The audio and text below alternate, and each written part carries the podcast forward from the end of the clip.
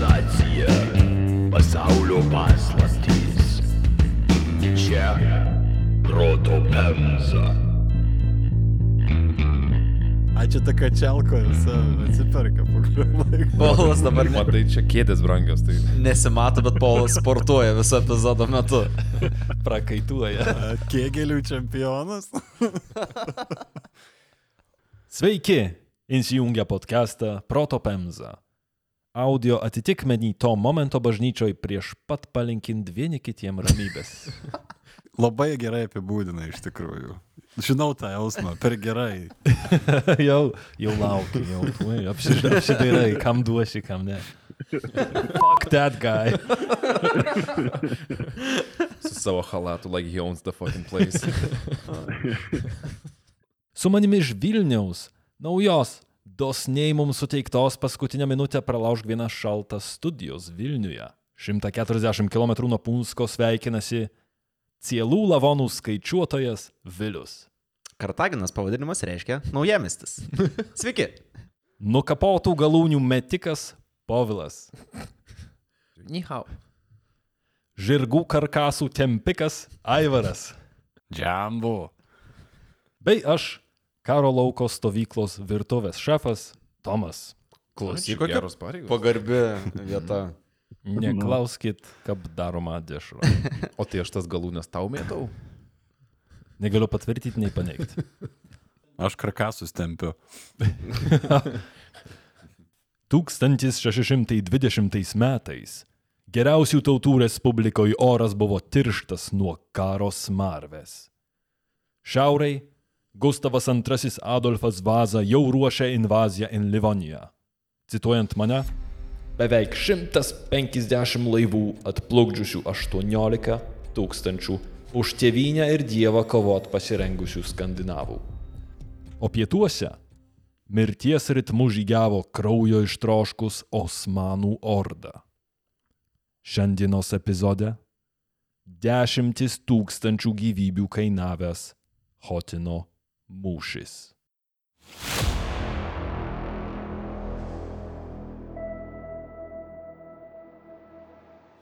Prieš pradedant, šaltiniai tiems, kas manim netiki, Pagrindinis šaltinis epizode yra, kaip ir ankstesniam, Lešeko Podhorodeckio Hočim 1621, Alio leidyklos 2019 m. knyga Žymiausi Lietuvos mūšiai ir karinės operacijos, YouTube kanalas Kings and Generals, historia.org, histmak.org, rppl straipsniai bei daugelis smulkesnių straipsnių internete.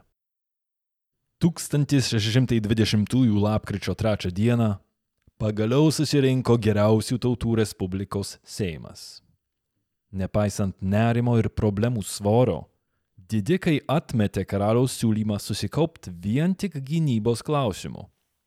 Mat šlektai rūpėjo išsiaiškyti, kokiais pagrindais Žulkevskio kampanija buvo legitimizuota, kodėl Cecoros mūšis baigėsi taip katastrofiškai. Tačiau pikdžiugiškas kaltų ieškojimas užleido vietą svarbiausiam klausimui.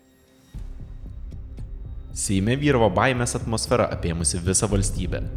Atsirado netgi Seimo narių, siūlančių mokėti sultonui duoklę, kad tik atitolinti turkų puolimą. Vis tik dauguma valdančiųjų užėmė garbingą poziciją, pavadino mažaminčius bailiais ir svarstė, kaip apginti valstybę. Gyventojų laikysena stipriai veikia bažnyčios ir dvaro propaganda, bei jų skleidžiama poezija, skatinanti kovai su turkų invazija.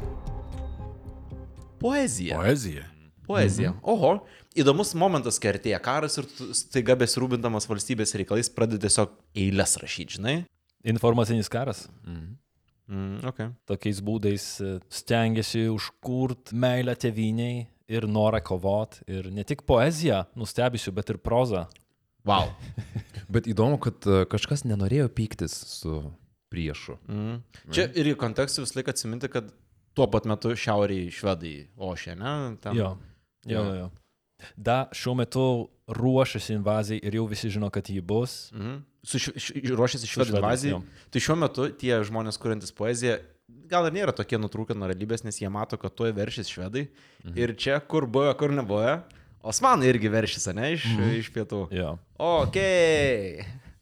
Seimo nariai nesutarė dėl kariuomenės dydžio, finansavimo būdų, biudžeto. Skilo ir karaliui už Cecoros fiasko. Kritikai kelia klausimus, kas nutraukė taiką su Vengrija, kodėl įvyko Seimo nesankcionuota karinė kampanija Moldovoje ir kodėl niekas neišmokėjo atlyginimų kazokam, kas juos suprovokavo mhm. raidams Konstantinopolį. Mhm. Vis dėlto valstybės negandos išblėso, kai lapkričio 15 dieną Varšuva apskriejo žinia apie pasikesinimą karaliaus gyvybei. Psichiškai nesveikas Mykolas Piekarskis užpuolė Zigmantą Vazą su kirtikliu. Ale, kaip žino tikri vyrai, svarbiausia ne ginklo dydis, ar moki jum naudotis. Daugiau apie nesėkmingą išpolį trečioji Sigio Vazos trilogijos serijoje. Nesėkminga asasinacija iš tikrųjų padėjo valstybei. Neužmuštas Zigmantas Vaza laimėjo populiarumo taškų, o Seimas nedryso daugiau kelti defetistinių argumentų. Ypač, kad kitam posėdin lietuvių delegacija deklaravo valstybės gynybą savo krūtinėm jai reikės ir šįk užtvirtino naujus mokesčius ir kariuomenės permetimą ant podolą. O tada sugėdyti jau sekė ir kitų regionų atstovai. Čia Lietuvė, ne? Jo. Pasi, pasižadėjo, kad ne, nepabėgs mes tikrai. Jo. Nebent prie kedainių. Bet uh, Kadangi desperatiškai reikėjo finansavimo, visos lėšos privalėjo būti skirtos karui. Tad Seimas uždraudė pardavinėti brangakmenys, nešiot brangius kailinius ar šilką, o kareiviam uždraudė prabangius šarvus, puošmenys žirgam ir panašas fanaberijas. mhm. neuždraudė ginklų, kad nešvaistytų pinigų. Ale šitie draudimai tai tik ant popieriaus liko, mm. už tai, kad kas, kas turtingam uždraus. Bet čia valstybinių lygių bandė uždrausti prabangą? Jo, nes e, buvo gal tam tikras e, propagandos mhm. elementas šitoj vietoj, kad, nu, klausykit, reikia susikaupt, Mhm. nesirodykit su savo šilkais ir su savo šūbom. Bet čia mm. rimtas dalykas, jisai primena e, tuos laikus, tiksliau, tuos atvejus, kai modernių karų metu valstybė visiškai mobilizuojasi, neša keptuvės ir podus, kad mm. darytų sviedinius iš šito metalo ir panašiai. Gal ne tokiu lygmeniu, bet bando tą vaibelį pasiūsti tokią. Mm. Kad mes rimtoj situacijai. Totalinio karo nuotaikos. Jo. Visiškai tai teisus vėliau esi už tai, kad uždraudė eksportuoti strateginius resursus. Tai yra salietra, kuri reik- reikalinga parako gamybai, Mhm. ir žirgus. kur irgi reikalingi parako gamybai. Mažai žinomas faktas, kad...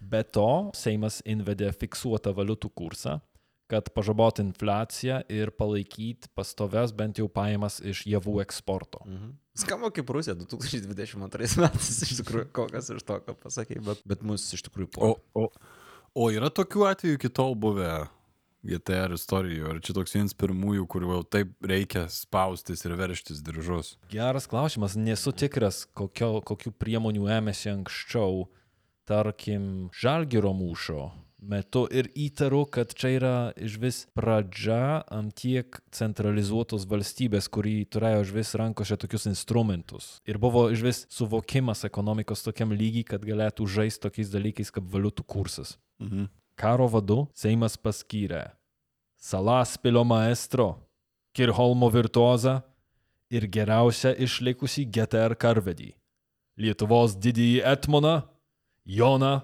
Karolį Hotkevičių. Žaibai iš kažkur. Ja. Hotkevičius pastatė karaliui sąlygas. Kiek kariuomenės jam reikės, kiek kainuos, kada galės išjot. Sigis, kaip tai Sigis, iš pradžių muistėsi, ale galų gale nusileido. Vis tiek muistėsi, ta prasme, rimtai. Dėl pinigų. Tiesiog Ai, nebuvo iš kur, iš kur pinigų imti. Negali sakyti iš karto taipgi. Nu, nėra ne pagal charakterį, ne pagal įvaizdį, žinai. Jau matau. Gal, jeigu labai gražiai paprašysi. Koks stebuklingas žodis. Karas, Sigi, Šitai pozicijai buvo ir antras kandidatas, irgi jau mums pažįstamas Kristupas Radvila. Karvedžio? Jo, mhm. bet jis dar tiek net patirties neturėjo. Matau, kaip Sigis veda castingą tarp Hotkevičiaus ir, uh, ir šito. Fotkės lygina. Hotkevičių čia siu, siunčia į pietus, taip, tvarkyti Taip. su osmanais. Jo. Jam tuo metu yra 50 metų U, ok. O kas lieka viršų prižiūrėti? Radvila. Ai. Radvila antrasis. liko čia tas, kuris visai be pinigų, be patrankų ir be kareivių gynėsi nuo švedų sėkmingai. Ambicingi GTR planai susidūrė su 17 amžiaus rytų Europos realybė. Jausmas pažįstamas visiems pirmą kartą vykdžiusiems statybų ar remonto projektą. Už tai, kad problemos smogė kiekvienam žingsniui. Amen, broli. Kilo rimtos problemos finansuojant naują kariuomenę. Ostrokskių giminė nesuteikė karūnai paskolos. Nepavyko pritraukti finansavimą iš užsienio. Mokestinės pajamos plaukė lietai ir žymiai mažesnės nei tikėtasi. Įtin letargiškai keliavo pinigai iš didikų, starostų ir turtingų bajorų. Praščiausiai atrodė pajamos iš rytinių teritorijų, kurias sunaikino totoriai. 1621 birželį valstybės išdas buvo toks tuščias, kad Zigmantas III negalėjo sumokėti netgi vežikams, gabenantiems patrankas į stovyklą. O tai ar iš to galim spręsti, kad tie žmonės, kurie laikė pinigus tuo metu GTR, nenorėjo uh, finansuoti šito dalyko? Povlai, ar esi kada dalyvavęs grupiniam projekte? Vadinama freeriderio problema, kad mm. Ateisiu ant pažymio. at, jo ateisiom padaryto. Mm. Nu, ai, kiti užsiims mano žemės ten kažkur prie jūros, kas man rūpė toj, toj Osmanų imperija. Mm. Jie kap ir sudaro vieną valstybę, ar jie te brangina savo demokratiją. Jiem demokratija reiškia laisvę nemokėti mokesčių mm -hmm. ir laisvę užsiimti tik tai savo mažą, e, mažų sklypų. Ale nebuvo te blogai. Buvo dar blogiau. Jei! GTR! GTR! Dėl karų su Švedija bei Maskva ir totoriškų reidų valstybei siautėjo badas. O jei pamenat iš Sigio trilogijos, 21 iš švediško fronto atkeliavo GTR Maras. Puiku, puiku. Tai karas, badas ir maras šiuo metu yra visa trejybė, ne? Jo. Okay. Tai natūralu, kad valstybei trūko žmonių, šiaip trūko žmonių, o ypač trūko tokių, kurie turėjo kažkokį supratimą apie karybą. Taigi valdžia pildė trūkumus tuom, kas liko. Kaip mes esam keturiesi va gyvi dabar, Jo, jo, jo. kai tokia situacija buvo? Tai palauk, tai mūsų protėvių genai nepamaldus nei neduotom paskolom labai e, Nei- motivuoja toliau gyventi. Nei karui, Nei karui, nei, nei nei marui, marui, nei badui. We're invincible. vis tiek buvo dar kam eiti į karą ir buvo dar kam politikuoti ir buvo kam užsispirti ir nemokėti. Tai mes būsim kažkur iš tų kategorijų turbūt. Neįmami arba Neimtini. Mhm. Į tarnybą priminėjo prastos kokybės elementą - neretai nusikaltelius, laisvų pažiūrų asmenis, linkusius į prievartą, plėšikavimą, nesilaikančius karinės disciplinos. O kaip gerai, kad net keliavo šitas iki mūsų dienų. Aha, kažkaip. žiauri gerai, kad visiškai nei vieno konflikto negalėčiau pasakyti dabar vykstančio, kur ta pati sąlyga galioja. Labai įdomus išsireiškimas tam laikui yra laisvų pažiūrų asmenys. How dare they? Have you no decency, sir? Soki laisvai mąstantys. Uh, laisvos moralės. Be abejo, aš toj grupiai atsirado ir kazokai, ir lisovčikai. O, Lisovčikai, buvau pamiršęs mūsų šitos didvyrius. Kas buvo Lisovčikai, man priminkit? Ta grupė žmonių, kur ba, e, lakstė po kaimus mhm. ir žudė e, žmonės. Kai apsigyvendavo pas tave teritorijai, būdavo labai negerai, kai apsigyvendavo. Taip, Atsimeni? okay. taip, taip, taip. taip. Kar, karinis vienetas, kurio, kurio atlyginimas buvo tai, ką patys Taip. prisiplėš. Mhm. Ir šitas žmogiškos bačkos dugnas elgėsi numatomai. Pakeliu į Hotiną, jie niokojo savo valstybę. Netikėta. Ką prašė patsai Zigmantas III Vaza. Kur tik praėjo, ten elgėsi su mūsų subjektais tarsi būtų neprietelio žemėje. Nepalikdavo nieko jų namuose, plėždami kambarius, skrinės ir kitą turtą, imdami prievartą viską, ką aptikę. Net ir dvasininkai klebonėjosi nesijauti ramus, mat plėšikai negailėdavo netgi bažnyčių. Ar čia Sigio Facebook'o postas yra? Čia šitoj vietoje Sigis pakeičia profilio nuotrauką į Žesui GTR. ja. Aš trumpai. Respublikos kariuomenę akilai kamavo dezertyravimas. Kariuomenė dar nepasiekus Hotino prarado tarp 5 ir 10 tūkstančių kareivių. Be to, dalis pajėgų liko ginti už nugarą, o kita dalis, apie 5000 kazokų, vykdė partizaninį karą už priešo linijos. Jie puolė turkų pozicijas prie Jaudosios jūros krantų ir nutraukinėjo tiekimo grandinės. Hotkevičius, dar net nepasiekęs mūšio vietos, pradėjo informacinę ofensyvą. Priešo gretose skleidė gandus, kad kazokai ir vėl ruošiasi reidui Konstantinopolį. Nu ir turėkime omeny, kad šitos istorijos fone, kol aš pasakosiu, kas ten vyksta, visą laiką kažkur vyksta jūrų mūšiai ir raidai. Tai čia ne tik tai sausumoje, bet dar ir jūroje plakasi. O kazokai jūrose? e, Taip. Kolegos, aš turiu nesusijusį klausimą. Iš kur lietuvių kalboje atsirado posakis nevynioti žodžių į vatą? Galima, pala, pala, aš galiu pritildyti jo mikrofoną kažkaip, ne? Tai gal iškart perkim prie tos vietos, kur deleguojam klausimą klausytam, gerai? Nu, prisipažintų, tiesiog noriu atsikratyti Maikės. Palauk, ne. O gal patikslyt gali, apie kokią vatą iš vis šnekam? Apie statybinę medžiagą ar e, propagandos entuziastus? Turbūt statybinę medžiagą, nu, bet kodėl žodžius? Žodžiai tam tikrą prasme galima sakyti, aišku, jei ignoruosim Lakaną, Habermas ar Wittgensteiną, beformiai. Ar galim grįžti prie mūšio temos? Man įdomu, ką Hotkevičius grįžęs pasakė žmonai. Man atrodo, Aivarui, žinot, kas išsibalansavo uh, šitų kanabinoidų lygis. O šiai problemai yra atsakymas. H-drop CBD produktai. O, tai Lietuvoje galima, nepasodina už tai kokį tai požemį ministro? Galima! Lietuva pagaliau pasivijo pasaulį ir leidžia natūraliu būdu gerinti kūno ir proto sveikatą. CBD padeda atsikratyti nemigos, streso, nerimo, migrenų ar kitų skausmų, pavyzdžiui, kaip Aivaro klausimai. H-Drop gamina CBD aliejų iš pluoštinių kanapių, sudeda juos į tvirtas ir gražias pakuotės ir leidžia atgauti minčių ir kūno balansą. Kiekvienas žmogus natūraliai gamina endokanabinoidus, kurie palaiko laimės jausmą ir padeda susikaupti. Pavyzdžiui, išlaikyti fokusą ties mūžiu ir Hotkevičium. Serė? H-drop, ne? Tai dabar gal galim grįžti prie temos jau? Jo, tai man atrodo, kad vata yra gaminama iš medvilnės, kas reikštų, kad jie atkeliavo iš Amerikos. Ai, Tomai, gal. Grįžtam prie epizodo. Pasiek kūno ir minčių ramybę. Ramybė? Pasiek kūno ir minčių ramybę su H-Drop. H-Drop. H-drop. Gal aš to nepalka būtų pastarti sakyti arba vaistinį. Praeivių pirklių ir kitų stebėtojų minios grūdosi siaurose Konstantinopolio gatvėse, stebėt marširuojančias kareivių kolonas. Žinia apie truškinantį laimėjimą prie Cecoros. Sultonas prieėmė kaip Dievo malonę. Jam tai buvo ženklas, kad valstybę kamuojančios negandos atsisuks, kaip vėjas, atnešantis lietų po sausros. Osmanas II, nepaisydamas vezyro patarimo, įsakė išjot.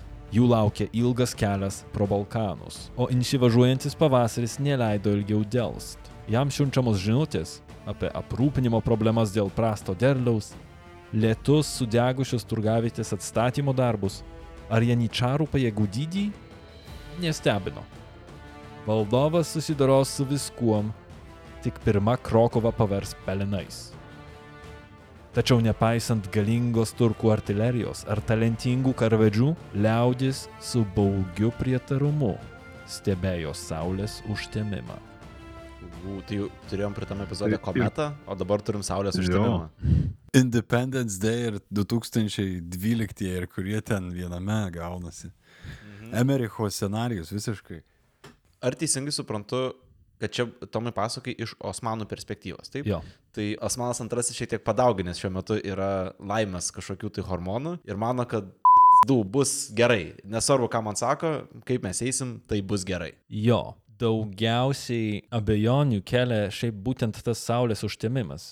Visi jam sakė, kad reikia palaukti bent dvi dienas, kad čia yra blogas ženklas. Mm. Gal nieko nebus, bet kaip minimum žmonės bus ramesni. Mhm. Bet jis negalėjo su tom taikstytis, jam rūpėjo parodyti savo autoritetą ir savo galę. Kas turi tam tikros logikos, jeigu žiūri iš tos perspektyvos, kad jis nėra pats stipriausias valdovas dabar, ar ne? Visa šita, visa priežastis, dėl ko jis nori pradėti šitą karą, dėl ko jis jau pradėjo šitą karą, yra populiarumas.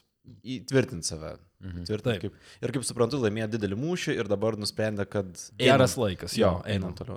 Per uh, užtemimą. Gal iš tikrųjų žinojo, kad tai tėra šešėlis.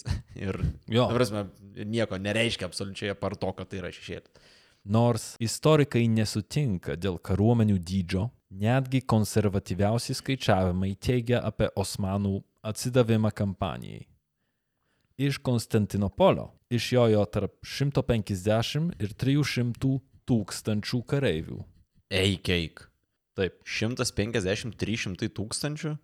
Pusė iš jų buvo ginklanešiai. Tai reiškia, kad jie nebuvo kariai kariai, jie buvo kažkiek pagalba, bet jie irgi buvo ginkluoti. Okay. Mhm. O vėliau prie jų prisijungė dar 12 tūkstančių Moldovų ir Valachų, bei tarp 50 ir 100 tūkstančių totorų. Kiek turim sumoj? Sumoj Inhotina turkų pusėje ėjo tarp 2 ir 400 tūkstančių karų. Tai čia vienas didžiausių mūšių turėjo būti per labai ilgą laikotarpį, jeigu tie skaičiai. Taip. Ok. bet- Bet bet 200 rodo- tūkstančių dabar yra labai didelis karas su didelė kariuomenė, tai tuo metu čia nežinau, kaip dabar milijoną pasiūsti į, į, į frontą. Bet žinai, tai gal ir meti didesnius resursus, nes pralaimėti reikštų nu, to populiarumo, kurio ir ieškai, ir jį įtvirtinti nori, tu jo ir negautum. Tai Jo, tai taip, taip, taip, bet turime nėra, kad bandykim. Turime meni, kad tuo metu ten kariai, jeigu 20 tūkstančių prieš 20 tūkstančių kapojus, tai yra na, major mūšis, didžiulis mm. mūšis Europos standartais. O čia šimt, keli šimtai tūkstančių vienoj pusėje. Vienoj pusėj. Tuo tarpu Geriausių tautų respublika Inhotina išsiuntė tarp 55 ir 85 tūkstančių kareivių, iš jų 30 tūkstančių kazokų Tai jau galim kaip 90 osmanų skaičiuoti. ne? Kartry. ir dar papildomus 30-45 tūkstančius ginklanešių. Taigi sumoj tarp 85 ir 130 tūkstančių siekiančią kariauną. Okay, tai GTR irgi čia sukaupė visai nemažas tokių uh, nusikaltelių pajėgas, kaip mm. iš ankstesnių citatų galėjom, galėjom išgirsti. Bet taip skystokai, skystokai, nepalyginus su 400 tūkstančių. Nu, ką, kai pagalvoji, šiauriai kokiu buvo tuo koeficientu, kai kovojo prieš e, švedus, man atrodo, kur buvo 4 prie 1 Taip. iš prie mūšio. Jo. Tai pratė, žinai, ką jau čia. Šiaurį galim, tai ir, ir pietos. Čia kaip Navy Seal iš, iš Red Alerto antro, kur gali kapoti už 10 kareivių paprastų sovietų vienas amerikoniškas Navy Sealas. Ar GTR kyla tik tai teorinė grėsmė e, iš šiaurės, ar jau reikia siūsti žmonės? Reikia siūsti. Reikia, ok. Tai dar Taip. ir čia, nu, osmanai neturi, ar turi kažkokį dalyką, kuris už, į užpakalį lenda. Jie tuo metu yra pasirašę taiką su persais, taigi ne, čia yra jų vienintelis Okay. okay. frontas. O, ne. Blogos naujienos Varšuvai. Jo. Ir aišku, disclaimeris, ant kiek galim pasitikėti skaičiais mhm. iš tų laikų, tai nėra lengvas darbas istorikui šitą suskaičiuoti, bet visi istorikai, kuriuos skaičiau, sutinka, kad Osmanų pajėgos buvo kaip minimum du kartus, o gal netgi tris ar keturis kartus didesnės. Negu GTR. Ne? Taip. Ir gal labiau motivuotos, sakyčiau, kažkokia. Man labai tokia, kaip Bilius išsakė, apiplyšus atrodo ta GTR. Šimtas, šimtas tūkstančių tokių pisuoklių vargo. Nepamirškim, ten yra tie skrajojantis. Uh, Husarai? ne husarai. Lisovčikai. Lisovčikai. Jie yra banditų banditai, ta prasme. Jo, jo, šito- kurie ati, atiminėja ginklus iš šalia einančių karių. Jo. tiesiog. Jie jau savo mūšį laimėjo prieš mūšį. Yra. Jo, jo. Karo hienos. Jo, jo. Ir tas juokas ir būtų jų toks. Bet va, tas įdomu, aš galvoju, aš nežinau, kurie labiau motivuoti būtų, bet kažkodėl, Tomai, bent jau kaip tu konstruoji istoriją, įsivaizduoju Osmanų tokią labai uh, motivuotą kampaniją, tokie visi gražiai mm. atrodantis su išeiginiai šarvais. ir Su orkestru. Su orkestru jo, jo eina prieki, sultoną ten neša. Nu ir tada iš Lietuvos ir Lenkijos žemės susirinkę ne pirmos kokybės čiavakai. Ir geriausiu atveju kažkoks apiplyšęs akordeonas eina šalia. Jo, jo. Aš nežinau, kaip tą perteikti klausytojui, kokio didelio maso dalykas tai yra tam laikotarpiui, nes nu, tiesiog kiti mūšiai kelis kart mažesni yra palyginus su, su, šita, su šita situacija. 33 žalgerio arenos žmonių. Nei daug, nei mažai. Taip. Didžiausias 30 metų karo mūšis 80 tūkstančių žmonių. Mhm. Tai čia vien tik GTR turėjo daugiau negu. Kelis kart. Jo. Taip. Taip. Didžiojo vezyro Ali Pašos planas numatė puolimą dviem kryptim. Pagrindinės Osmano antrojo vadovaujamos pajėgos planavo keliauti per Moldovą link Podolės iki pat Lvivo. Pagalbinės, vadovaujamos Gaboro Betleno iš Transilvanijos, žadėjo kirst Karpatus ir pult Krokuvą. Tiesa, jau išėjus su sultono kariuomenė parejo informacija iš Betleno, kad jis labai atsiprašo, bet jis neprisijungs prieš to karo. Turiu kitų reikalų. Ar SVP pa... O, ok. Įd- Įdomus pasirinkimas iš tikrųjų. Irgi kitokie laikai, ne? Jo, Sorry, kažkaip prastai jaučiuosi šiandien, gal ne. Čia vaiko žiburėlis, žinokit, a, klasiai tai. o Žiburelio pavardė ir žandikaulis Habsburgai. Jis turėjo karas visų su visais. Čia, čia nėra, uh, Tas- nėra tinginiaujančių. Sutriuškinę GTR pasipriešinimą, sultono karai planavo skilti į mažesnės dalis, kad užduotis - ištrinti nuo žemės paviršiaus Zaporižės kazokus, užimti tvirtovės, o taip pat plėšt, plėšikaut, grobt, įsisavint, degint, prievartaut, vogt, naikint ir rašyti poemas. Mhm. Na, tai toks klasikinis kario, kario dalykas. Lisovčikint. Lisovčikint jau buvo. Taip. Toks, sakyčiau, visai planas maksimum, taip atrodo, nes, blemba, GTR irgi ne, ne mažiausia ir, ir mažiausiai patirties turinti valstybė regione ir tu galvoji, kad, nu, gerai, varysiu pro buvusią sostinę dar neseniai ten keurį praeisiu ir tada į Lvivą, ne, kuris irgi tuo metu yra e, labai reikšmingas miestas. Lvivas būtų prieš Krokuvą, nes Krokova yra saliginai arti kalnų, o praeit su tokia didelė kariuomenė per kalnus yra didelis darbas, geriau ape- apeit tuos kalnus, taigi pietinė Karpatų pusė tarp Karpatų ir Juodosios jūros, Okay. Inlendi ir Ukrainos stepės. Mhm. Tačiau didžiuliai karaunos mastai, milžiniška karybos tradicija ir patirtis, bei paties sultono autoritetas nepadėjo išvengti logistinių, ekonominių ar moralės iššūkių. Kaip teigia Lešekas Podhorodeckis, 17 amžiaus pirmoji pusėje išryškėjo sisteminės Osmanų imperijos problemos. Turkija įžengė į stagnacijos ir nuosmukio laikotarpį. Ji vis dar rodė didžiulę galybę, tačiau galima išvelgti ilgalaikės krizės ir būsimo žlugimo simptomus. Priekyba privilegijomis tapo visuotinė, augo valdančiosios klasės demoralizacija, plito anarchija, mažėjo saugumas priekybiniuose keliuose, didėjo plėšikavimo problema. Ale nereikia nuvertinti Osmanų. Tuo metu Europoje vyravo nuomonė, kad imperija yra tiesiog nenugalima. Taškas. Jos ekonominiai pajėgumai ženkliai viršijo GTR. Taigi, anot istoriko Radoslovo Šikoros, pažiūrėkime skaičius. Pagal paviršiaus plotą GTR užėmė šiek tiek daugiau nei 1 milijoną kilometrų kvadratinių, Osmanų imperija šiek tiek daugiau nei 5 milijonus. Pagal gyventojus GTR apie 10 milijonų, Osmanai 22-30 milijonų. Tris syk daugiau žmonių. Pagal pajamas GTR tarp pusės ir 1 milijono dukatų per metus, Osmanai tarp 5 ir 9, taigi 10 kartų turtingesnė. O, bagoti kokie klausyk. Ir gali gyventi erdviau. Ir šilta pas juos. Mhm. Tai per trukėlę gal? Jo, davai. Žiūrėkit, a, aš viski organizacinių reikalų aptart norėjau, kol turim laiko. Mhm. Pašnekėti apie rizikų valdymą. Įsivaizduokit savo a, scenarijų. Važiuojat prie ežero, bagažiniai grilius, dešukės, rankšluošiai, o prieš jūs pusantros valandos kelionės iki paplūdimio. Nu ir klausot proto pemzos epizodo, bet... Bėda! Pašį baigė gigabaitai. O ne. Paprasta. Visiškai. Užsisakai teledu paslaugą Gigabaitų prenumerata.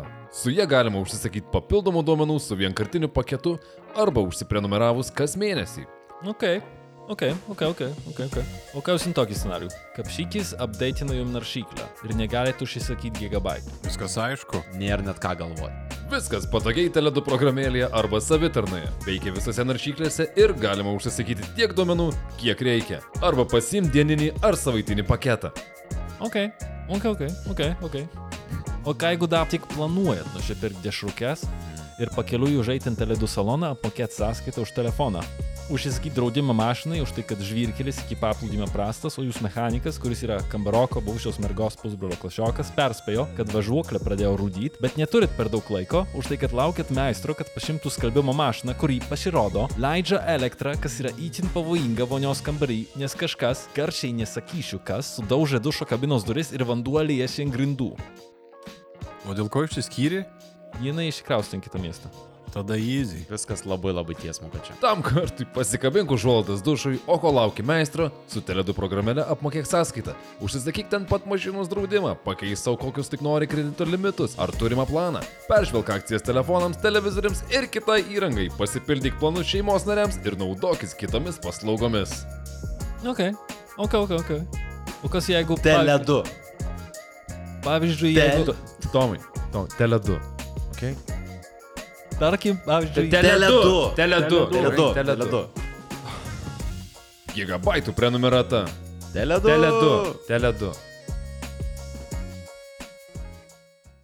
Susirinkus prie Podolės Kameneco tvirtovės, Hotkevičiaus kariuomenė išėjo į vietą, kad ryt daugeliui taps jų kapinėm. Prie Dnestro upės per 680 km nuo Punsko stovinčią galingą Hotino tvirtovę. Kapuoliausias Sun Tzu studentas, didysis Etmonas persikėlė į vakarinį Dnestro upės krantą, formaliai už GTR sienos. Ne tik tam, kad išvengt kovų ir plėšikavimo savo teritorijoje, ale ir tam, kad išsiųst žinutę saviems kazokams. Neplanuojam jūsų palikti vienų, atėjom čia kovot, nederėtis. Plus, už nugarį, turėdami upę, jie turėjo daug mažiau galimybių dezertyruoti ir pabėgti iš savo stovyklos. Ir nežinau, kas skaitėt, kas neskaitėt Suncu karo meną, bet ten literaliai tą jisai ir sako, jei nori, kad tavo kariai kovotų geriausiai, nepalik jiem jokios vietos pasitraukti. Mhm. Sudegink laivus atplaukęs. O kur dabar tai yra? Ukraina. Ukraina. Hotkevičiaus kariuomenė, atvykus į Hotiną rūpiučio vidury, išsyk ėmėsi fortifikuotis. Iškasė gilų 7 km ilgio pylimą su dviejais vartais kariuomenėmis švest, iškirto priešais tvirtovę augančius medžius ir krūmus, kad jie galėtų suteikti priešui priedangą, plus šitaip paruošė gruntą husaram, o taip pat sudegino prie tvirtovės stovintį Hotino kaimą. Tiesiog, nes. Čia tam, kad priešas negalėtų turėti patogios gynybinės pozicijos. Sumoj paėmus, stovyklos paviršiaus plotas siekia beveik 8 e, km kvadratinių paviršiaus plotą, kas yra daug maž dvigubai daugiau nei dabar Vilniaus senamiestis. Ir čia yra vien tik tai GTR stovykla. Kol laukia, jie apsikasinėja. Tam tikslui jie pasamdė Olandų karo lauko inžinierių Wilhelmą Appelmaną. Ir Appelmanas buvo topinės klasės ekspertas. Kaip visi žinom arba ne, Olandai buvo geriausi Europos to meto fortifikacijų ekspertai. Ir čia Appelmanas sukūrė tam tikrus tokius technologinius stebuklus.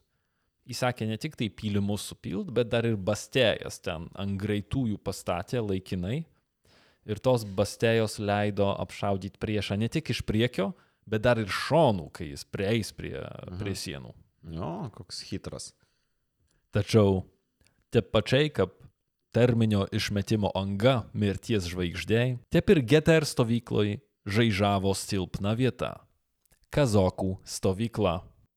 Terminio išmetimo anga yra geras. Aš irgi tą patį. Geras žodžių žaidimas. Space asshole. Povilai, kaip tavo terminio išmetimo anga laikosi po... Matai, aš sukaupęs papildomus raumenis jai prilaikyti dabar. Taigi, visoj toj stovykloj kazokų vieta buvo pati silpniausia. Tiesiog kazokai atvyko paskutiniai vos vieną dieną prieš turkus dėl to, kad jie vykdė misiją. Side questą turėjo, akivaizdu, kad. Jie vargino priešą ir dėlsė jų atvykimą. Kitaip sakant, sudegyk viską, kad mhm. priešas ne, ne, neapiplėštų. Taip. O, kaip faina būti valstiečiu tuo metu. Damn. Viskas, ką spėjo kazokai, tai sustatyti du redus, smėlių pripildytų karo vežimų ir iškas tarp jų negilų griovį. Rugsėjo 1. Mūšio išvakarės. Didysis Etmonas Hotkevičius vykdė stovyklos inspekciją. Silpnai apsaugota kazokų ir lisovčikų stovyklos dalis nekėlė jam abejonių, kurią vietą priešas puls pirmą. 50 metis karvedys jautėsi senas ir pavargęs. Pavargęs nuo politikavimo, pavargęs nuo pastovaus disciplinavimo, pavargęs nuo nelygių šansų. Besivaikščiodamas tarp palapinių, jis išgirdo diskusiją apie priešo pajėgų skaičių. Etmonas priejo prie karų, išsitraukęs kardą į pakelę ir tarė. Suskaičiuosim juos šituo. Kitą dieną pasirodė pirmos Osmanų vėliavos. Vos išvelgęs priešo vėliavas, Otkevidžius išvedė savo kariuomenę. Blizgantys šarvai, valingi veidai, aštrūs ginklų ašmenys sakė jam, kad turkų laukia sunki diena. Bet patyręs karvedys žinojo, kad gera kova reikalauja geros kalbos. Jūs visų tautų, teisių, laisvių, kalbų, giminių, tikėjimų sūnus, po vieno erelio sparnu susijungia. Pulkit tuos niekšus, kirskit jūs skudurais apjuostas galvas savo vikriais kardų pjūviais. Štai už jūsų Dnestras neperžengtas, štai išsilieja turkų ir totorių procesijos. Žlugo viltis pasitraukti. Čia kovosim ir laimėsim, arba čia pražūsim. Su tais žodžiais didysis Etmonas išvedė kariuomenę, bandydamas išprovokuoti priekį esančius totorus. Alenie vengia akistatos. Vietoj atviro mūšio totorai prijojo iš šono ir puolė kazokų stovyklą. Kazokai nesunkiai atremė puolimą, ale osmanai siekė viso labo užmaskuoti kitą manevrą. Kol Hotkevičius vaikėsi turkus Hotino laukuose, dalis totorų persikėlė į kitą upės krantą. Respublikos pajėgoms kilo pavojus prarast tiekimo ir komunikacijos grandinės, nešnekant apie suniokotus kaimus, išžudytus gyventojus ir prarastą aprūpinimą. Pirmas susidūrimas įtvirtino Hotkevičių, koks veiksmų planas protingiausias. Naktį, kol kareiviai taisė ir stiprino stovyklos įtvirtinimus, Hotkevičius sušaukė karo tarybą. Pasak Etmono, GTR privalo siekti atviro mūšio. Jo nuomonė, turkai dar nespėjo visi susirinkti, o be to yra išvargę nuo kelionės. Tuo tarpu gynėjai ir jų žirgai ne tik kad palsėja, ale moralė laikosi ant bangos po sėkmės. Atsargus senatoriai ir komisarai nesutiko su tokiu planu. Atsimydami f***dolį Cecoroj, jie atsisakė rizikuoti. Įrodinėjo, kad patys dar nesurinko visų savo pajėgų, o turkai turi artilerijos pranašumą. Ką prašė Podhorodeckis? Nepadėjo Hotkevičiaus pykčio priepoliai. Politikai, ne kariškiai, turėjo persvarą taryboje. Jų sprendimas grėsė tragišką baigtim, mat prastai aprūpinta kariuomenė buvo priversta išsekimo kovai. Hotkevičius nebuvo sprendimų prieimėjas. Sprendimų siūlytojas. Mhm, Galutinį nepriėmė. sprendimą priėmė Hotkevičius buvo dalimi tos tarybos, Mhm. bet vienas iš, o ne jo, vienintelis. ne vienintelis.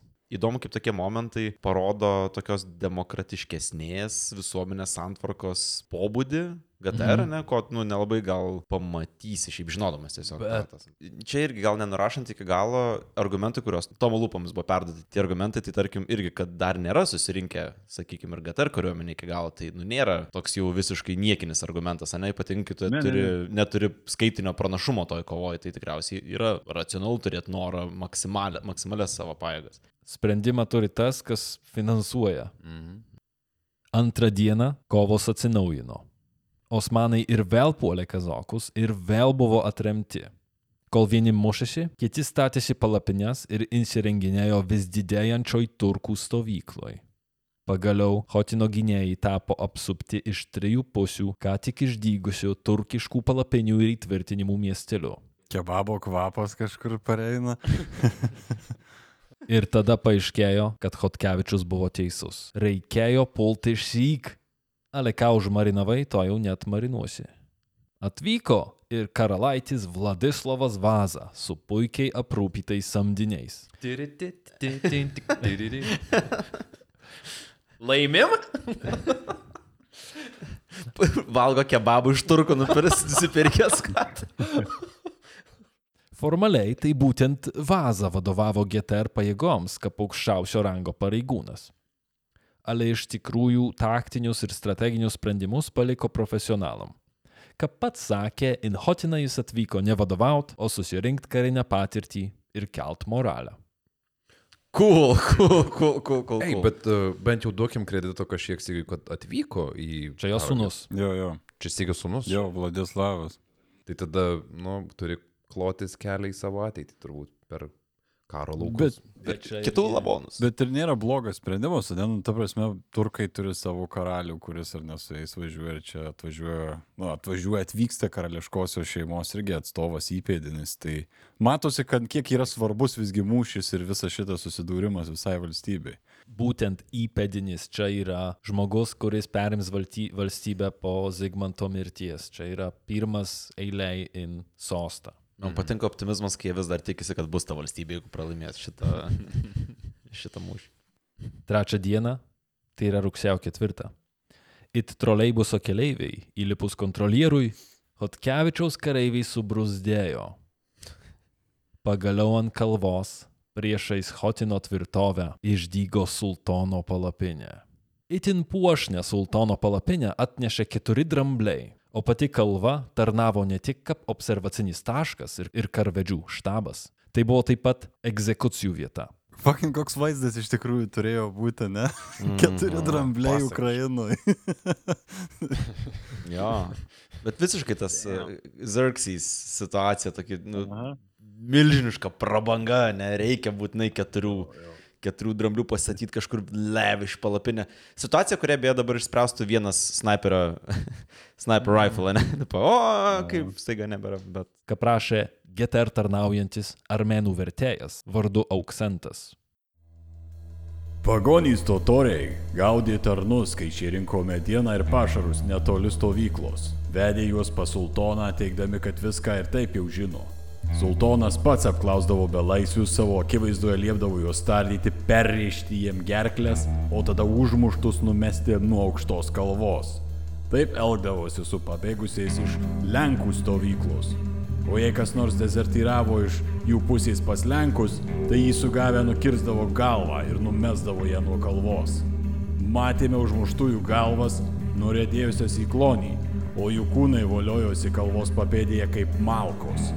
Vienoje vietoje buvo daugiau nei šimtas tokių kūnų, kitoje trys šimtai, trečioje taip pat. Nu, ne, nemeluosiu, sakydamas, kad nesitikėčiau šito iš Osmanų, pavyzdžiui, kad bus prikapoję kažkokių tai galvų, taip pat, pa, nuo, nuo kalno pa, paridenimui. Bet ta vieta, kai nuredėjusias galvas į klonį, man labai įdomu, tikiu, tikriausiai tuo metu negyvena ten aplinkui žmonių, jų civilių, bet jeigu gyveni rytą, jis tą, tą garsą tuk, tuk, tuk. Ir vis antras, trečias, kas, kas čia Jo, daro? o kalnas toks pakankamai aukštas, kad nematytum, kas ten darosi. Tiesiog. Atsidarai duris, galvų pilna kažkokių. It's raining man. Ta diena Osmanai puolė keturis kartus, o kovos vyko iki Saulėlydžio. Ketvirtas turkų šturmas pasibaigė kazokų kontrataka. Jie pasivijo turkus iki pat stovyklos ir sukūrė progą smūgiui į minkštą Osmanų papilvę. Ale, nesako žymi patarlė, seno kazoko negali išmokyti naujų įsakymų. Osmanų stovyklai kazokai tiesiog pradėjo grobti ir plėšikaut, kol susigriebę turkai jų iš ten neišvijo. Kazokai čia tokia rykštė pasidaro, bet ir vos ne vienintelis toks patikimas ginklas, kurį turi kol kas, ar ne, šitame etape mūšio. Šautuvas, kuris kartais ir tave iššaudo. Jo, žinai. faktas, bet jisai, jeigu šaudo ne į tave, tai visai neblogai šaudo.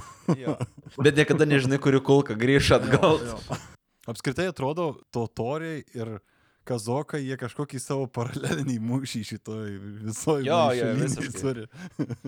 4D šachmatus jie pliekia, dabar Aha. jiem tai čia yra kažkieno kitų mūšis, jie tvarė prisivokti. Jo, jo, čia toks O tai. aktyvesnis penktadienio vakaras. Patrankų šūviai ir nukirstos belaisvių galvos nešokiravo GTR stovyklos tiek, kiek barbariškas incidentas ketvirtą mūšio dieną. Griovy prie stovyklos bei prie Dnestro krantų buvo daugiau nei šimtas kovose nedalyvaujančių vyrų, moterų ir vaikų kūnų. Pirklius užmušė grobio ištroškus stovyklos tarnų minę. Auksento žodžiais. Nuo tilto numetė keliasdešimt asmenų, negailėdami nei moterų, nei vaikų. Stebėtinai, netgi turėdami surištas rankas ir kojas, daugelis sugebėdavo išplaukti taip gerai, kad kareiviai norėdami juos pribaigti šaudė juos muškietomis. O kodėl jie taip darė? Jūs tiesiog norėjo apiplėšti. Tarnai teisinosi, kad neva Moldovų pirkliai planavo padegti GTR stovyklą, o įsakymą nudėt, kabutėse turkų šnipus davė pats Sajetmonas. Hotkevičius, aišku, nieko apie tai nežinojo. Anot vienų šaltinių jis įsakė suimti kaltininkus ir ten pat pakart. Anot kitų, vadas baiminosi kareivių žemos moralės ir nepasitenkinimo, todėl paliko nusikaltimą be bausmės. It būtinis smurtas patologiniai šeimoji, Hotinė susigulėjo chaotišką, brutalizacijos pritvinkus kasdienybę. Osmanai dalim savo pajėgų atakuodavo silpniausius taškus, o krikščionys išsiųsdavo karauną kontratakai, priversdami puolėjus traukti su uodegom tarp kojų, jei turėdavo da uodegas. Ar kojas. Tai kaip suprantu, šiuo metu mūšis vyksta, nėra to, kad 400 tūkstančių iššoka prieš 200 tūkstančių, jie Masovkė. Tokiom grupėm pasi... Taip. ieško taktinio kažkokio tai proveržio, ne? Band testina kiekvienas kito silpnasias vietas. Jo. Rugsėjo 7. Šešta mūšio diena. Osmanai pradėjo didžiausią iki šiol puolimą. Remiami artilerijos, jie tuo pat metu puolė lietuvių lenkų pozicijas bei kazokų stovyklą. Patrankos sutruškino daugelį tvirtinimų, vežimų, žlugo dešimtys gynėjų ir gyvulių. Priešo kavalerija net keturis kartus šaržavo, ale kiekvieną kartą GTR kariškiai sugebėdavo apsiginti. O tada turkai pakeitė taktiką ir dėmesį nukreipė į nikšol nepultą vietą. Pasislepę už įtvirtinimų, lietuvių kareiviai miegojo. Čia septinta, šešta mūšio diena, aplinkui artilerija šaudo, lietuviai miega. Nu tai pagal kalendorinę savaitę jau šeštadienis, tai kaip ir turi pasilsėti. Man savaitgalis. Netikėtai užklupti pestininkai nespėjo apsiginti, o turkai įsiveržė į stovyklą lyg bakterijos per atvirą žaizdą. Iškirtę, ką spėjo, jie grobė patrankas, keletą vėliavų ir išvijo iš stovyklos daugelį vergų. Ir tada, tiep kaip kazokai prieš porą dienų, osmanai prarado discipliną ir išsilakstė po stovyklą plėždami. Susiorientavęs situacijoje, Hotkevičius išsiuntė in pagalbą kazokus, o juos išvykę turkai pabėgo. Gudrusis Etmonas nusprendė išnaudoti situaciją. Vakare turkai sugrįžo. Matydami neapsudytas pozicijas, jie drąsiai veržėsi pro tą pačią vietą. Ale užuot laisvų palapinių ir lengvo grobio, juos pasitiko patrankų sviediniai ir iš užpylimo išbėgę lietuvių ir lenkų pestininkai. Surakyti kovoj, turkai nepastebėjo, kad pro vartus išjojo keturios husarų vėliavos. O, dėm. 600 elitinių GTR raitelių. O šaržos prieš akį patsai Jonas Karolis Hotkevičius. Husarai net neįsibėgėję pilnu greičiu smogė turkam ir sumušė 15 kartų didesnės pajėgas. What? Nu, tikiuosi tie, kurie išgyveno, prisiplėšė papildomų kelnių. Po šitos tragiškos osmanam šaržos, sultono karauna neberizikavo atvirais šturmais ir pakeitė strategiją. Ėmėsi ilgalaikės apgulties. Pagaliau užbaigė tilto statybas ir tikėdamisi atkirst pastiprinimus permetė dalį pajėgų į rytinį Dniestro krantą. O Hotkevičius priešingai išėjo su kariuomenė į laukus ir provokavo turkus atviram mūšiui. Tris dienas iš eilės. Ale priešas kabliuko neprarėjo. Nieko nepešęs, jis sugalvojo kitą apgaulę. Lietuvių ir Lenkų pajėgos iškeliavo naktiniam žygiui. Tamsoj rinktiniai pestininkai prislinko prie pat osmanų stovyklos. Nieko neįtarančių turkų gretose vyravo žema disciplina ir minimali apsauga. Nepastebėti, Otkevičiaus kariai laukė lemiamo įsakymo. Ir kai GTR buvo per pusę žingsnio nuo atakos, planus sujaukė leitenantas Lietus. Rudeninio škvalo pagauti permirko patys kariai, jų ginklai, parakas ir turkų palapinės. Lygiai taip pat tyliai ir atsargiai ir nebe įtampos, krikščionys pasitraukė nepastebėti. Ok, tai atvarė. Lietlyje. Ir atgal, įsivaizduoju, kaip arklys sulėtintai taip eina, žinai, at, at, atbulom. Antrą naktį plano atkartot nepavyko, Bausmanus perspėjo iš stovyklos pabėgę vengrų kariai. Kas beliko, jei nekest blokadą ir artilerijos sviedinius. O kasdienybė stovykloj darėsi vis labiau nepakenčiama. Po sėkmingos husarų šaržos sunkiai susirgo didysis Etmanas Hotkevičius. Lyga staigiai progresavo ir po poros dienų vadas negalėjo atsistoti iš lovos. Tuo tarpu sultono strategija pradėjo nešti vaisius. GTR stovykloj siautėjo badas, maras ir vis kylanti desperacija. Trūko maisto, parako, kulkų ir alaus. Alaus trūkumas privertė gynėjus gert vandenį iš upės. Todėl stovykloj siautėjo dizenterija. Mm. Kaip skaito mūšio dalyvio Jono Čaplinskio laiške. Didžiulis badas, ypač žirgų, kurių iki šiol apie 50 tūkstančių pastipų. Vokiečiai labai gaišta. Oras, badas, viduriavimas visur plinta, laikomės ant Dievo meilės, nes etmonai serga, o kariuomenė išniekinta. Vos kažką į burną įsidedi, kai užklumpa priešas ir reikia pulti prie pylimų. Tai diena, tai naktį. Tai būtų galima sakyti, kad nėra gera situacija, ne? GTR, e, GTR kariuomenį šiuo metu visi serga, viduriuoja, miršta ir vokiečiai gaišta net, tai visiškai, visiškai blogai. Nu ir matosi, kad Etmonas turi tikrai autoritetą, jeigu jo lyga kaip ir pristabdo kitus dalyvius. Sultono strategija realiai buvo alinimas, taip. Po to, kai nepavyko ta šarža, tai pasitraukti buvo ir nualinti. Jo, nėra ko skubėt, tiesiog kantriai juos apsupkim ir užsmaukim. Kaip pažymėjo Čaplinskis, jo žodžiais kietos kaip molis duonos kaina 18 rugsėjo siekia 20 grašų, o 1 spalio jau 40 grašų. Pestininko atlyginimas 150 grašų, 5 zlotai. Per mėnesį. Ne, per, per mėnesį. Ėdėsi turi patys pirktis, ne, ne, nesuplaina kariuomenė. Jo. Ir apie atlyginimą šnekam, jei kažkas turėjo dar pinigų, dėl to, kad valstybė dar nei prieš mūšį, nei jo metu jo neišmokėjo.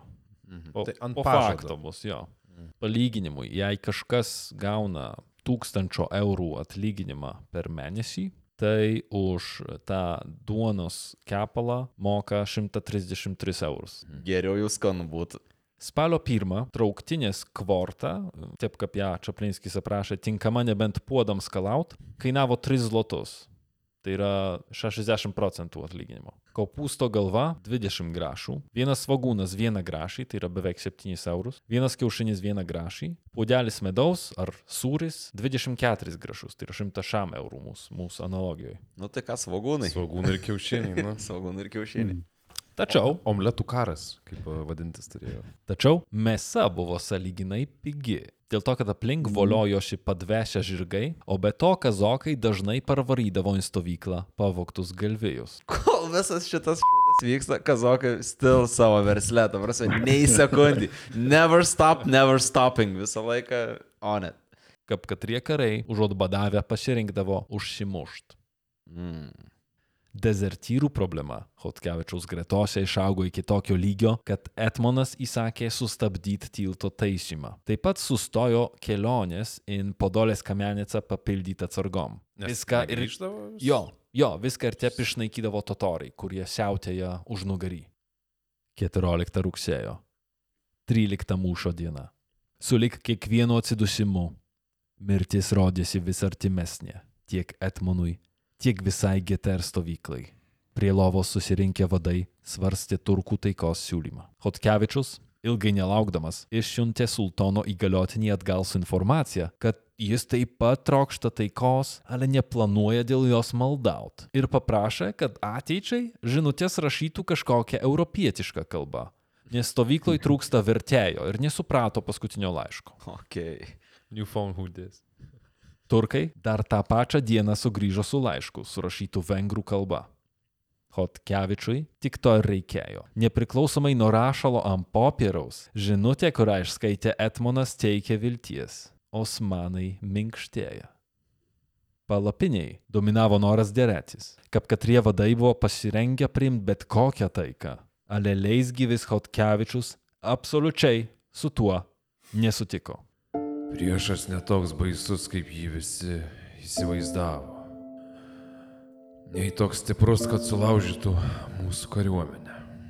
Jeigu galėtų mūsų kalavijų užkariauti, jau būtų tai padaręs, kai jo paėgos buvo šviežios ir pilnos jėgų. Badu nesugeba mūsų paimti, nes mūsų mažiau, tad ir mažiau maisto mums reikia. O jis žolės savo žirgams jau keturias, penkias mylias nuo stovyklos ieško. Be to, Etmonas įrodinėjo, kad dezertyrų nereikia gailėtis, nes jokios iš jų naudos stovykloj, o ir maisto mažiau tada reikia. O be to, pas Osmanus dezertyrų tikriausiai žymiai daugiau. Bet kokios problemos, su katrom susidūrė jo karauna, turkams turi būti kelis kartus skaudesnės. Ale rugsėjo 24 įvyko tai, ko visi bijojo labiausiai. Į tavo rankas, Dieve. Ištaras paskutinius žodžius, Lietuvos didysis Etmonas Jonas Karolis Hotkevičius iškeliavo Anapilin. No! Savo paskutiniu įsakymu Hotkevičius paspendė turkam dar vienus pastus, nes naujojų vadu paskyrė didįjį karūnos pataurininką, Krokovos rotmistrą ir savo mėgstamiausią švogerį - Stanislovą Lubomirskį. O tai kas šitas naujokas buvo? Lubomirskis savo pirmtakui nusileido nebent patirtim. Bakarybos meną turėjo mažam piršte. Jis neleido saviem pasiduot ir valdė GTR krauną nie ką praščiau už Hotkevičių. Taigi, kompetitingas žmogus geroj vietoj. Be to, Lubomirskio dalyvavimas kare buvo viena iš sąlygų, kurią Hotkevičius pastatė Zigmantui Vazai. Arba su juom, arba visai. Tai buvo natūralu, kad jisai užims jo poziciją. Taip. Gal negalvojo visi, kad pasibaigs Hotkevičius, bet čia buvo... Jo. Natūralu, ale pavyzdžiui, lietuviai iš pradžių nenorėjo jo klausyti. Kažkap tai juos pažabojo Karlaitis Vaza, kuris dar užtarė Lubomirskį, plus pats Lubomirskis, matydamas, kas vyksta, lietuviam davė daug autonomijos ir jų vadu paskyrė Aleksandrą Sapiegą, kuris buvo žinomas ir gerbiamas pačių lietuvių, taip kaip suvaldė krizę. Nes tai buvo krizinis momentas. Mhm. Užtat turkai, išgirdę naujienas, įgavo naujos energijos. Mat juos lygiai taip pat, o netgi labiau kamavo badas, maras ir dezercija. Rugsėjo 27 nukrito pirmas sniegas. Visiškai šalčiui nepasiruošę turkai suprato, kad galimybių langas greit užsidarys. Dėl to sukaupę praktiškai visas likusias jėgas, osmanai suplanavo lemiamą šturmą. Mūšio lauką užgulus tiršta rugsėjo migla, maskavo atkirstas galūnės, sulaužytus ginklus ar virš stovyklos kabančią desperaciją. Ramybės iliuzija sužlugdė įsiutę patrankų šūvį ir kaip kruša besiartinantys turkų šaržos riksmai ir triukšmas. Osmanai nesunkiai pasiekė pirmus pylimus ir persirito tarsi be pasipriešinimo. Ale ties antru, naujai iškastu pylimu aptiko įniršusius sąjungininkus. Kovojo visi - lietuviai, lenkai, kazokai, lisovčikai, samdiniai.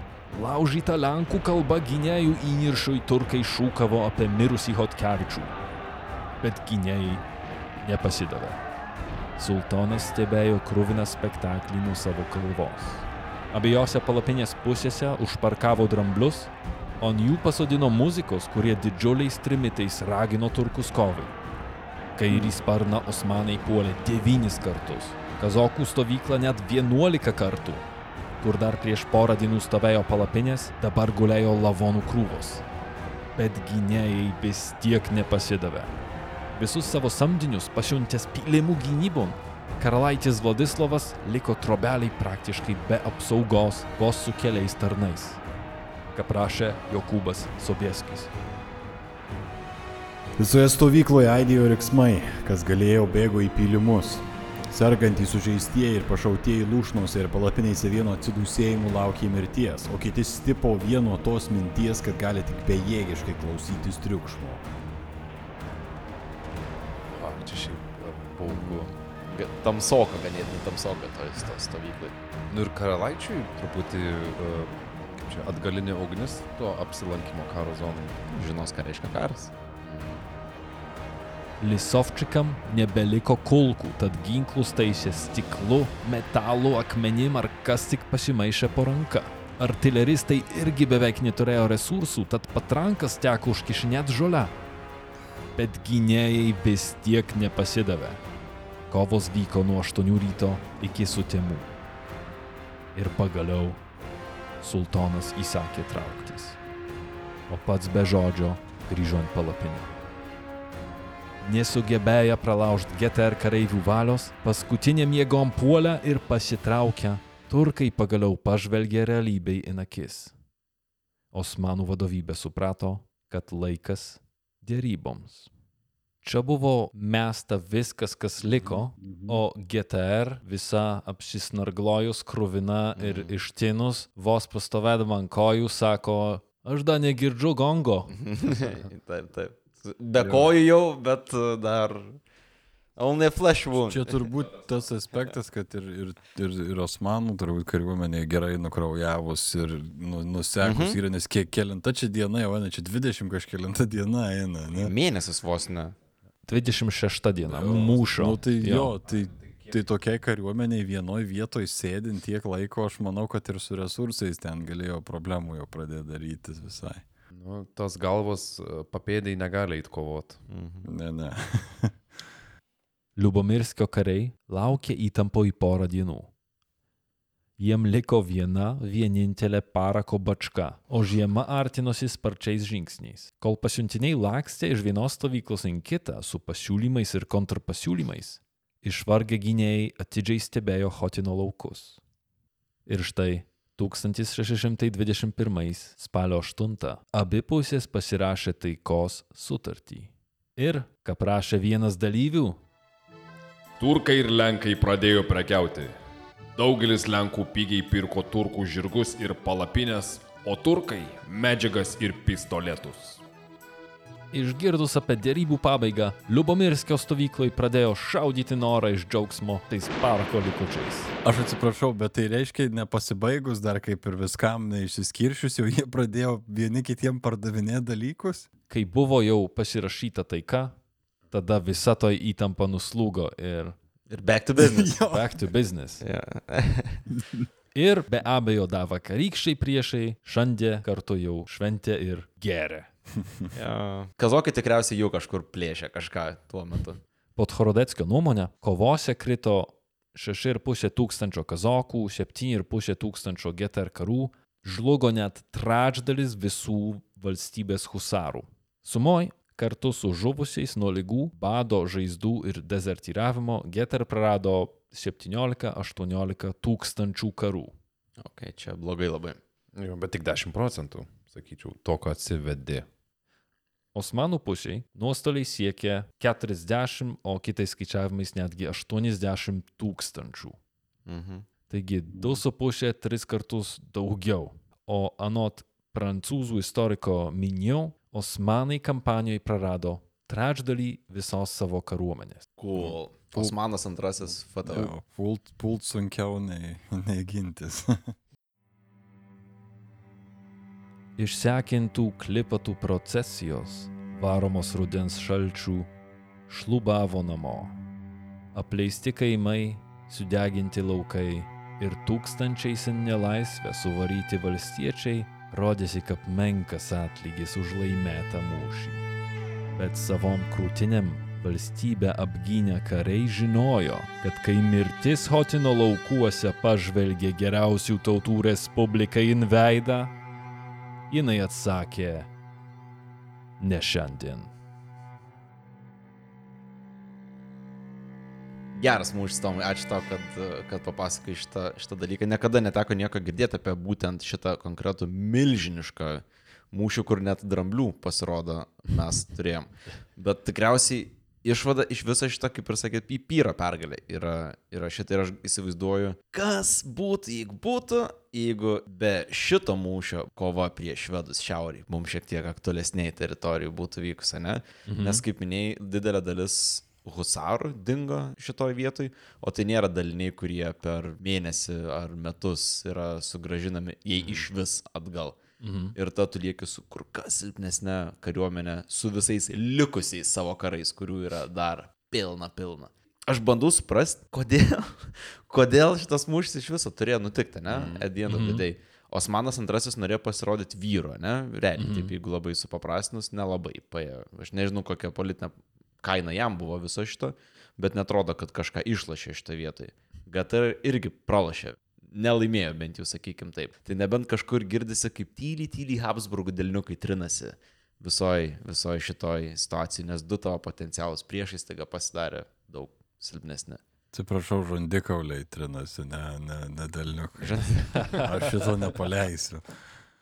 Jo, aš gal, gal tik pridedant, aš irgi labai panašiai galvojau. A, nes, nu, kai tokia pyro pergalė ir ar ne viskas vėl grįžta į tai, kur tarytum buvo prieš tai ir toks kyla klausimas, why? Kažkuria dalim atrodo, taip, tai yra turbūt epiškiausias iš tų mūšių, kuriuos mes esame aptarę, man asmeniškai. Ir ilgis, ir, ir, ir tie visi manevrai, kurie vyko, fucking dramblė atvarė, kaip kokiam ten, kur Pelenoro mūšyje, ne, kaip per žiedų valdovą, kai buvo. A, ir, ir taip toliau ir panašiai, tai labai įspūdinga, bet kartu nepra, neapleidžia tas... A, GTR jau kaip ir silpstas, tekenasi, bet va nusprendė pietuose vat, vieną gerą, stiprų vakarėlį mėnesį trunkantį dar užsisukti ir paturėti. Nu, fucking kieta kariuomenė visgi buvo, kad, kad, kad sugebėjo susitvarkyti tokiom sunkiom sąlygom. Tai jo, labai įdomu, ačiū labai Tomai, labai labai lauksiu ir daugiau ir tavo minčių ir, ir, ir, ir na, galbūt jo, kas, kas nutiko po to, buvo labai įdomu ir, ir tikrai reikės daugiau pasikasinėti ties šituo, šituo klausimu. viską, ką papasakoji, man atrodo, kad labai daug dalykų lėmė tokie gal atsitiktinumai, kurie kartojosi abiejose pusėse. Kažkoks nepriteklius, a, dezertyravimo klausimas didžiulis, kiek ten tų žmonių dingo. Kiekvienoj pusėje kažkas laiku sustojo, kažkas laiku nepasidavė, tiesiog tokių labai, atrodo, buvo daug vietų, kur viskas galėjo daug labiau kitaip pakrypti. Įdomu, kieno čia karas apskritai buvo. O tai kam iš vis to reikėjo? Nes vieni atrodė ėjo iš kažkokio tai noro, bet ne per didelio reikalo, kiti vėlėsi dėl jau reikalo, bet visiško nenoro. Ir um, liūdniausia gal, kad Hotkevičius dezertyravo į Anapilį. Pasiplovė iš nesulaukai visiškai. pabaigos. šūdis, ne? nu, tok- Uh, bet tikėjo, žinai, kaip uh, išeini iš rungtynių anksčiau, nes net tavo komanda nepralašinėjo, o tu, ai, laimėsim. Na, uh, okay, jau kyli, damušalų aikštelį, statelį. Tai šiaip kolosalu ir iš visko, ką mes šnekėjom, atrodo, iš, iš to laikmečio mūšių, tai šitas labiausiai įspūdingiausias. Tai ačiū už puikiai istoriją. Žiedų valdovas, jo, Pelenoro laukai. Mhm. Mhm. Kitaip nepavadysi. Šiaip įdomu, kad Lenkų istoriografijoje ir istoriniai sąmoniai čia yra to, tokias epiškas laimėjimas, toks didžiausias, geriausias laimėjimas. Ir galima suprasti dėl ko, už tai, kad iš vienos pusės žiūrint, o kas būtų, jeigu ten nebūtų nei vieno gynėjo. Jo, jeigu būtų osmanai ėjo ir praėję, ne? Ėjo ir Kiaurę, praėjo, taip, jo. O Taip, tada tai būtų Taip. pandemoniumas. taip. Tai kad ir nusistekeno, bet atmušė tą bangą, čia šitą reikia pripažinti. Na, o jeigu šios istorijos yra per mažai, tai dar tikrai turbūt neperklausėt Siga visų dalių, tai dar Siga visas dalys, dar kas iš GTR mūsų jau kompostų vien Valandas. kokios 3 ar 4 valandos, mhm. uh, ankstesnis epizodas beveik valandos, netoli valandos. Jo, kaip gavosi, atskiras epizodas vos, mhm. Papildomo turinio šitas irgi turės, beje, kuo užsibaigė Osmanui antrajam šitą puikiai O, kampaniją. labai, labai, labai įdomu. Ir be abejo, kviečiam in contribui ne vien tik tai dėl papildomo turinio, tarp Oi, taip. kitko, reikia pripažyti, kad šitą temą, ar bent jau jos kryptį, mums išrinko mūsų kokteilio tyro ramiai. Tai dėkokit jiem. Ačiū. Aišku, nežinot, kas būtų, jeigu būtų, jeigu būtų išrinkę kitą temą. Tai jo. kviečiam į mūsų internetinių socialinių medijų paskyras. Facebookas, Instagramas, galbūt kažkada ateityje Wikipedia. Mhm. A, Turiu pripažyti su skaudančia širdim, kad paskutiniu metu šiek tiek apsileidau su Kašneka Lenkija. Už tai, kad rašau šitos epizodus, tai nu, tenka gyvenimą rinktis arba švedus, arba osmanus. Kaip bebūtų, ačiū Jums, mėly klausytojai. Ir linkim gražaus pavasaro. Mhm. Ačiū. Iki. Iki. Ačiū. Ačiū iki. Iki. Be abejo, didžiulis ir nuoširdus ačiū mūsų kontribį remėjam, kurie ir prisidėjo prie šito podcasto temos išrinkimo. Jums skiriu šitą haiku. Kam tos sakuros, kai žemė raudonuoja kazokų krauju? Wow, koks teminis šį kartą. Tikrai taip. Ir šiaip įdomu, kad mus priejo gandai, kad kai kurie kontribyrėmiai keičia savo vardus, kad žinot, kada jų vardus ir perskaitom. Tai, Taip. jo, nu, Mila, mila. Tai apsukam uh, šitus patefonus ir tiesiog perskaitom vardus, kaip mes norim. Julius, Julius, Julius, Julius, Julius. Širdingas ačiū. Rasai, Imon Zimon, Tomui, Renatai, Irmantui, Albinui, Darjušui, Žiedūniai, Ernestai, Tautvidui, Dovėliai, Augustai, Sandrai, Ingai, Simui, Osvaldui, Gabijai, Aušrui, Tomui, Jurgitai, Tedžiui, Erbreiderui, Aušriniai, Antei, Marijui, Nerijui, Lynciai, Giedrui, Robertai, Ernestai, Monikai, Gabrieliai, Volterui, Semui, Mantui, Mindaugui, Danui, Simonai, Rimantui, Rūtai, Andriui, Vaidui, Persivaliui, Mildeliai, Justui, Linai, Brigitai, Marijai, Nastiušai, Arvydui, Burbulišiui, Sauliui, Arūnui, Edvinui, Nešiai Pindrei, Janai, Rukui, Akviliai, Rasai, Ufonautui, Vienkepsais, Žygimantui, Jolitai, Vygai, Gretai, Giedrai, Rūtai, Tomai, Gabrieliui, Benui, Rolandui, Tadui, Justinui, Domantui, Jovitai, Eirimei, Ainui, Dominikui, Andriui, Mikui, Evelinai, Mantvydui, Kugai Mūgiui, Gedaminui, Džinui, Dominikai, Simui, Egliai, Justinui, Kunigundai, Venskūnai, tai Auritai, Šarūnui, Jurijui, Linai, Stepanui, Donielaitai, Pauliui, Meškiui, Mariui, Ryteniai, Traigytei, Gabrieliai, Melitai, Marijai, Žygimantui, Jonui, Justei, Edvardui, Mykolui, Ed- Editai, Arūnui, Lukui, Sauliui, Rūtai, Benui, Dominikui, Rasai, Darislavui, Aistei, Tadžiukui, Tadzikutsui, Reg... Remegiui, Gretai, Agliai, Audrai, Mikipūrui, mėgstamiausiam Pokemonui, Dovėliai, Andreliui, Simui, Marui, Domukui, Mildai, Vaidai, Bučinskaitai, Gretai, Agnai, Akučkaitai, Pitskai, Jorindai, Simui, Povilui, Egliai, Julijai, Mantui, Robertui, Mindaugui, Pėjui, Pauliui, Vytautui, Deimantei, Mantui, Dedui, Dedui Tomui. Taip ir parašyti. Palik šitą. O, čia žinok, tiek mums darbo yra malonaus. Vat mikrofonais apsikeitėm, kompais. Dar tik vidurnatis. Dar tik vidurnaktis. Ir viskas. Jo, mes esam vidurnatis šiuo metu, be 15.12 ir viskas. Tik tai tam, kad jums pasakytume pačius šilčiausius. Viso, viso proto Pemzas kolektyvo vardu tęsime savo padėkas, tiek sakydami. Alvit, Alvitai sakė mane. Dar ne. Dar haikų nepasakė. Alvitai, Emontui, Viliui, ačiū savo, Skirmantai, Monikai, Aušriniai, Kristinai, Ungurių valdovui, Arnui, Aidui, Medeinai, Urtei, Egliai, Gintui, Daviliai, Mantui, Gaudentui, Agniai, Mykolui, Dariui, Akviliai, Raimondui, Eitvidui, Inai, Gailiai, Mirandai, Agniai, Dariui, Videopunk, Dievojo Gurkui, Laimonui, Petrui, Liudui, Redai, Raimondui, Solveigai, Kristi Vytautui, Justijai, Almantui, Migliai, Karolinai, Audriui, Robertui, Marijui, dar vienam Robertui, Vaidotui, Tomui, ačiū tau Tomui, Geruliai, Gyčiui, Irmantui, Aretui, Silvijai, Rokui, Soliukiai, Elijui, Martynui, Kestui, Daliai, Tumeniai, Gustijai, Linai, Aistijai, Arnui, Vilitai, Rimantai, Seliukaitį Rasai, Deima H, Donatui, Gabrieliai, Rekui, Giedriui, Kornelijui, Čigetiai, Čig, Čigetiai, I, I guess, Čiget parašyta, Ignui, Daviliai, Simonui, Rimai, Vikai, Benui, Antropikui, Lukui, Ievai, Viliui Petkauskui. Ačiū tau, Viliu. Matai, Gretai, Mr. Mindaugui, Eimantui, Astai, Ugniai, Audriniui, Paulinui, Ptšč, Rūtai, Juditai, Tėvo Vamždžiui, Evelinai, Daugelieniai. Ten parašyta PTŠČ, I mean, ką, ką aš galiu padaryti? Daugelieniai, Dariui, Viliui, dar kartą Viliui. Igniukui, Ernestai 473, Kristinai, Pauliui, Egliai, Justinai, Ingridai, Kristinai, Mindaugui, Lagaminui. ai, ai. Agnainiui, Indrei, Michaelui Scottui, Viktorijai, Aistai, Vytutui, Sandrai, Austėjai, Reptilijui, Gvidonešiui, Ievai, Šliaužytijai, Žaka Mamai, Sandrai, Karoliui, Gabrieliui, Margaritai, Giedriai, Džiugui, Edvinui, Ed- savo tais vardais, Fastin, Ponui Joriui Kompostai, Elvinai, Zabirkai, Editai, Ramintai, Čeli from Verdansk, Gvidui, Šarūnai, Martynui, Justai Pripustai, Kalviui, Samantai, Antanui, Medai, Paulius Lau, Mindaugui, Džiugui. Ačiū Džiugai. Perdam estafetę Povilui. Reikia rimtai nusteikti, uh, skaityti. Viskas, ko reikia. Tai dėkojom, aš sakau.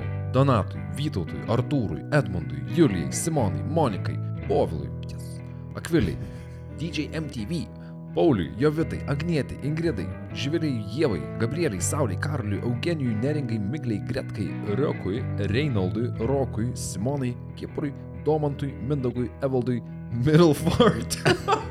Milford. Middleford. Čia gal ta, ta dama, kuri buvus, buvo mūsų mytė ir sakė, kad pasikeitė specialiai vardą ir mes tikrai pastebėsim šitą. Middleford, nu čia vidurbės dar. Arnoldui. Arnoldui. Ne, Paulas neužlagino, tiesiog vardai susimetė šalia. Vanirčikas. E, Ačiū tau. Tomui, Vaidotui, Medžiui, Betomburniai Vaganetai, Jogiliai, Almai, Davidui, Tadui, Rimai, Romualdui, e, Laurinavičiui, Donatui, Migliai, Visimantui, Erikai. Simantui Makštučiui. Taip, Visimantui Makštučiui. O, o, net atsimena pavardę. Gal čia jis iš tikrųjų slapta ne save. Erikai, Markui, Greitai, Linai, Max galingumui. Martynui, Agniai, Renatai, Kamiliai, Gretai, Brigitai, Barškalui, Gerdai, Laurinui, Rapului, Jėvai, Štrimaitytai, Viktorijai, Sum, Kralikučiui, Ingridai, Ugniai, Vaidui, Nikštukų fabrikėliui, Neringai, Eiviliai, Evaldui, Juliui, Arūniai, Neringai, Inesai, Liochai, Linai, Donatui, Daivai, Baronui, Birutei, Birutei, Viktorijai, Pauliui, Eimantui, Laurinui, Šalytaus, Kamiliai, Pikabų, Zebų, taip, Deimantai, a, Laimonui, Eksibo, Darijui, Marijui, Benediktai, Mantūsui, Kristinai, Doviliai, Domui, Hulinariai, Justinai, Pemetrai, Tulpaitai, Duonatui, Pemetrai tulpaitai. Pemetrai, čia du atskiri žmonės. Okay. Duonatas. Uh, Ugniui, Liniui, Dainorai, Ritai, Julijai, Duke Silver, Artūrui, Erikui, Dienai, Tomasino, Tomui, Mariui, Egliai, o Egliai, netgi uh, emoji eglutės įsidėjo į savo vardą. O. Erikai, Kamiliai, Giedriui, Mantui, Dietlovo meškutei, Dietlovo meškutėms, atsiprašau, jų daugiau. Of course jų daugiau. Uh, Martynui iš Raufos, Augustai, Vaivai, Dainiui su vienetu vietoj į. Wow. So cool. Tai So vieni cool. tada. I wish I were that cool. tai dainvienis. Tai, tai vienis. Aurimui, Godai, Viktorui, Tautvidui, Irmantui, Evelinai, a, Martinui, Jėvai, Justinai, Emilijonai, Egidijui, Mantvidui, Sauliai, Braimondui, Marzazilui, a, Liudai, Dominikui, Vismantei, DJ Music. DJ Music! DJ Music! Pelėdžiukams. Reiktų įsivesti su DJ MTV. Kažkur yra persidengimo taškų. Tai pelėdžiukam Monikai, Katablankui su Katablankiukais, Arūniai, Neringai, Mildai, Audriui ir Gražviliai. Ačiū ir jum ačiū. Ačiū Paulai, Ačiū, ačiū ačiū. Tomai. Ačiū Viliu, ačiū Paulai. Taip, ir Aivarui ačiū. Ir Aivarui ačiū. Ačiū. Ir Hotkevičiui. Ir Hotkevičiui. Tai. Ir biški kazokam. Kad, kad, kad, kad, kad smagu. Kad padarė istoriją biški tokį. Ja. Bet šiaip ačiū visiems.